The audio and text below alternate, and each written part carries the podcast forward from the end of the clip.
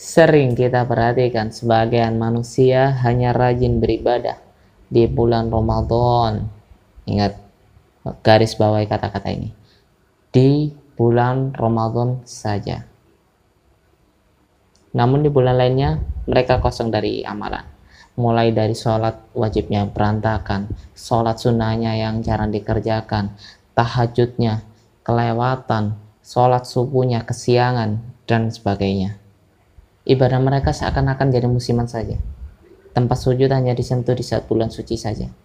Seharusnya amal seorang mukmin barulah berakhir ketika ajal datang menjemput.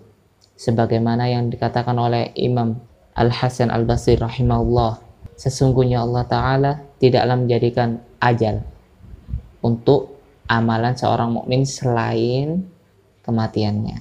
Nah, yang di sini sesungguhnya Allah Ta'ala tidaklah menjadikan ajal. Ajal ini maksudnya waktu akhir. Waktu akhir untuk amalan seorang mukmin selain kematiannya. Jadi kita terakhir kita beramal itu kematian.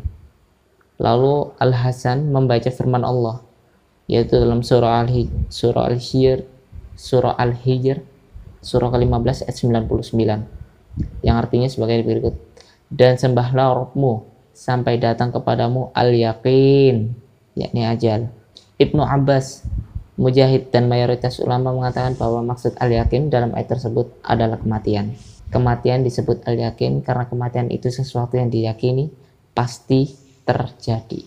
Pasti terjadi. Oleh karena itu, kita lihat bagaimana cara mengatasi ini. Rasulullah Shallallahu Alaihi Wasallam memerintahkan kita beribadah bukan hanya sesaat, percuma banyak, tapi sesaat. Sebagai contoh begini, kita langsung sholat malam, langsung 11 rakaat, tapi hanya satu hari.